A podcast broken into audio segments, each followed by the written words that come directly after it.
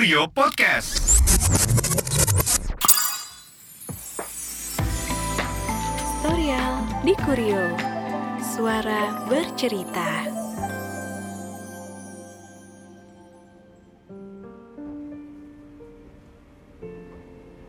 Ombak setinggi 4 meter mengadang di hadapan perahu motor yang kami tumpangi. Kapal itu terangkat naik, kemudian terlempar kembali bersama ombak. Jari jemariku bertaut erat pada tiang di belakangku. Satu-satunya benda tertancang kukuh yang bisa kupakai berpegangan. Laki-laki Kaukasia di kanan kiriku tampak sepucat mayat, menahan muntah. Badanku terguncang-guncang. Aku berteriak dan mengumpat. Ah! Bokongku bergedebuk dengan keras di atas bangku kayu perahu motor. Sementara itu, jantungku jatuh hingga ke mata kaki. Ombak kembali mengadang. Kali ini hampir merungkupi kami. Aku berpikir kalau mungkin ini akhir hidupku. Perempuan Korea di seberangku jatuh terbanting-banting dari kursinya. Terlontar dua kali hingga terkapar di lantai perahu. Dia tampak ketakutan. Kemudian dari depan, aku bisa melihat ombak bersiap menyerang kami kembali. Aku menutup mata.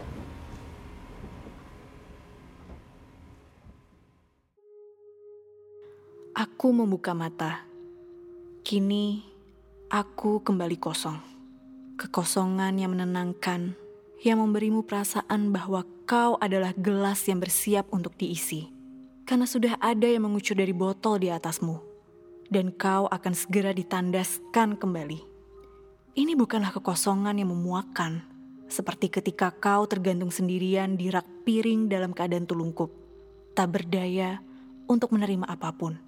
Aku dikosongkan secara paksa. Memang, aku sempat meronta tak rela pada awalnya. Namun, setelah itu ada ketenangan yang tidak pernah kuperkirakan sebelumnya. Kuhabiskan minuman di tanganku dalam sekali teguk. Lalu kukembalikan gelas itu di meja. Aku memperhatikan gelas itu dengan seksama. Gelas itu tampak bahagia, pikirku. Aku tak pernah mengira kalau kekosongan bisa begitu indah. Tak ada yang pepat ketat saling menggencet dalam hatiku. Tak ada tali temali yang saling menyimpul membentuk kekusutan tak teruraikan dalam kepalaku. Hanya ada aku dan kosong. Memang ketiadaan adalah sesuatu yang direnggut paksa dari jantungmu. Paksa artinya serabut-serabut yang menghubungkan sesuatu dari jantungmu itu menjadi rusak putus, terkulai jatuh, berdarah-darah, menetes-netes. Tapi kekosongan itu adalah sesuatu yang tiada, dan sesuatu yang tiada tak lagi menyakitimu. Kau mengerti apa yang kumaksud? Apakah aku sudah terlalu mabuk hingga berceracau begini? Tidak. Aku serius. Ini benar. Kekosongan memang bisa menenangkan. Embun-embun yang ditimbulkan oleh es mulai mencair di dinding gelas dan bergulir turun. Kertas di bawahnya mulai lembab. Setetes jatuh. Aku mengangkat gelas dan mengambil tumpukan kertas itu dan mengibaskannya. Ada bagian kosong, tempat tanda tanganku kelak di bagian bawahnya. Juga tanda tangannya. Aku mengisi gelasku kembali, lalu menutup mata. Duniamu terlalu penuh berisi dengan dirimu sendiri. Kau bahkan tidak menyisakan tempat untukku. Akhirnya dia berbicara. Setelah berbulan-bulan kami menutup mata, berpura-pura kalau pernikahan kami masih baik-baik saja, aku masih menyediakan sarapan dan kopi setiap pagi. Tetapi kami sibuk masing-masing, berkutat dengan BlackBerry di tangan. Seringkali kami bahkan tidak sempat duduk di meja makan dan menikmati sarapan. Aku berpikir kebalikannya. Dia yang terlalu mencintai kehidupannya tanpa aku. Memeluk semua hal di sekelilingnya tanpa aku. Aku tak disertakan dalam rencana-rencananya. Sudah lama kami tidak saling bicara. Aku ingin, tetapi dia enggan mendengar. Lama-kelamaan, aku sudah tak pernah mencoba lagi. Betapa cepat kejadiannya setelah itu. Setelah begitu lama berada dalam kegamangan, seperti berada dalam kapal laut, di ayun-ayun ombak selama satu tahun. Sungguh, ketika aku melihat kembali hari-hari dalam kehampaan bersamanya, aku takjub karena aku tidak mabuk laut, tidak muak menghadapi betapa buruknya hubungan kami. Sebaiknya kita tidak bersama lagi. Dia yang mengajukan itu. Seperti halnya dia yang melamarku dahulu, ketika cinta masih raja ketika hati belum dihadapkan pada tembok-tembok penghalang. Hal-hal yang tak bisa lagi ditoleransi. Hati, badan, dan kepalaku lebam-lebam. Aku tak ingin berpisah, karena besarnya cinta menggelembung melindungiku. Namun, cinta yang sama yang menggerogotiku dari dalam. Kami bukan sejoli yang ditakdirkan bersama selamanya Mungkin materi-materi dangkal yang dahulu membuatku mencintainya. Mungkin itu yang membuat kami tak bisa menyelam lebih dalam. Maafkan aku, katanya.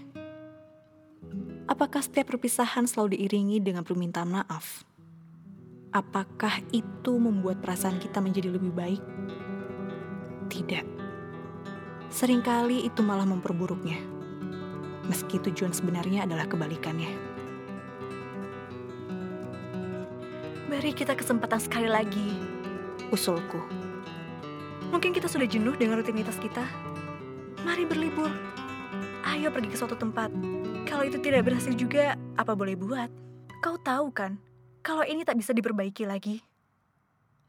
Tolong.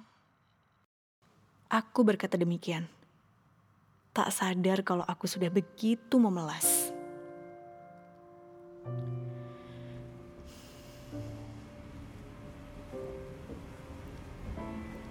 Membuka mata. Ombak masih bergulung-gulung. Sungguh, saat ini aku sudah siap mati. Aku tak memikirkan apa pun selain mati. Aku melirik ke sebelahku. Suamiku tampak tenang tetapi wajahnya pucat. Aku tak pernah berada dalam kondisi segenting ini. Sungguh, aku tak pernah mengira kalau perjalanan menuju pulau yang indah itu harus melibatkanku pada petualangan di tengah laut seperti ini. Aku tak ingat kalau semalam purnama, tentu saja air pasang, dan ombak sedang beringas-beringasnya. Ia ingin menelanku. Aku ikhlas jika ombak ingin menelan kesedihan dan lukaku. Aku ingin kembali dari sini dalam keadaan baru. Siap mencintai lagi dan berhenti terluka. Aku ingin mencintai suamiku dengan cara baru. Cara yang lebih baik, yang tidak saling membunuh. Rasanya kami seperti saling menikam diam-diam dari belakang. Jadi ku tantang ombak untuk menelanku. Boleh-boleh saja. Tapi tak ayal, rasa takut tetap saja mengetuk-ngetuk kepalaku dengan jahil. How much longer? Aku berteriak pada pemandu dalam perahu bernama Max itu. 30 minutes. Dia menjawab. Could you please slow this boat down? Aku bertanya hampir putus asa. Tak tahan dengan guncangan dan bantingan air. No, if we do that, the speedboat would sink. We have to move with maximum speed. Aku mengerang. Are you in honeymoon? Max mulai menanyakan hal-hal di luar konteks. Seolah-olah aku tidak sedang berjuang melawan ketakutan di lahap ombak. Dia berdiri dengan tenang di tengah-tengah kapal. Sementara tanganku memegang erat tiang di belakangku hingga kebas. Dan kapal ini memantul-mantulkan tubuhku hingga tulang ekorku menumbuk-numbuk bangku kayu yang keras. Aku berteriak lagi kesakitan. Apakah sakit fisik lebih bisa ditahan dibandingkan luka hati? Saat ini, aku tidak bisa menjawabnya. Karena aku tengah merasakan keduanya. No, just some business trip. Suamiku menjawab, sial. Rasanya aku malah jadi ingin mencemplungkan dia ke laut. Biar dimakan hiu sekalian. Oh, now five minutes more. Max meyakinkanku. You better be right. Seruku. Max cengengesan. Lima menit berikutnya yang hampir seperti seharian penuh akhirnya berakhir. Ombak berhenti dan kami memasuki perairan yang tenang. This is where Leonardo Cappuccino shot his movie, The Beach. And we are here for about 40 minutes, so you can swim and snorkeling here. Aku masih terguncang oleh ombak selama dua jam tadi dan pemandu ini mulai melontarkan lelucon garing. Bagus. Aku menatap suamiku. Kamu mau turun? Tanyaku. Kamu tahu aku nggak bisa berenang. Jawabnya agak ketus. Aku menggenggam tangannya. Tolong, untuk sekali ini, kita sedang menyelamatkan pernikahan kita kan? Aku ingin kita saling mengenal lagi. Dan kenapa tadi kamu bilang kalau kita sedang dalam bisnis trip? Lah, memang iya kan? Kita sedang menegosiasikan pernikahan kita. Kamu benar-benar ingin bercerai ya? Dia diam. Hai Max, can I borrow one of those? Tiba-tiba dia bertanya sambil menunjuk alat snorkeling yang sedang dipegang Max. Lelaki Thailand itu menyerahkan satu tanpa kata. Suamiku memasang alat itu di mulut dan hidungnya lalu meloncat ke air. Hey! Seruku. Do you want to swim too? Max bertanya. Aku menggeleng. Tubuhku masih gemetar berkat ombak besar tadi. Untuk berjalan saja, aku masih limbung. So, he's your business partner? Not your boyfriend or husband? Max mulai menggodaku. Aku hanya tersenyum kecut. He's married, but he also has two girlfriends. One of them is pregnant. Perempuan mungil itu berkata sambil tertawa-tawa. It's alright. I can handle this. Seruku menjawabnya. Kami mengobrol sambil aku memperhatikan suamiku. Mencoba mengambang dengan tegar. Lalu menyerah dan memanjat kapal. We are going to move again. PP Islands for about 5 minutes. Seru Max ketika 40 menit itu telah berakhir. Sementara aku mempersiapkan mentalku untuk kembali menghadapi ombak besar. Suamiku masih saja tidak tampak bahagia. Aku menanyakan itu ketika kami check-in di cottage di Pipi Island.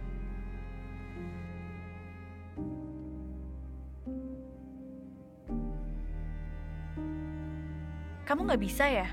Paling gak pura-pura seneng kamu tuh udah minta terlalu banyak. Seharusnya kamu bersyukur. Aku mau ikut ke sini denganmu. Kalau kamu tidak berniat mempertahankan ini, kenapa juga kamu setuju pergi denganku? Aku kasihan sama kamu. Karena kamu pasti sedih dengan perceraian ini. Jadi aku ingin membuatmu senang untuk terakhir kalinya. Sudah ya, aku mau tidur. Bukannya kita harus membicarakan segala sesuatunya dan memperbaiki ini. Aku bertanya sambil menahan perih yang tiba-tiba menusuk jantungku tanpa ampun nggak ada yang bisa diperbaiki lagi. Kita sudah pecah berserakan. Sebaiknya kamu mulai menanamkan ide itu di otakmu. Apa pun yang kita lakukan nggak akan berhasil. Malam itu kami habiskan dengan tidur berpunggung-punggungan. Di pulau indah yang seharusnya merekatkan kami kembali.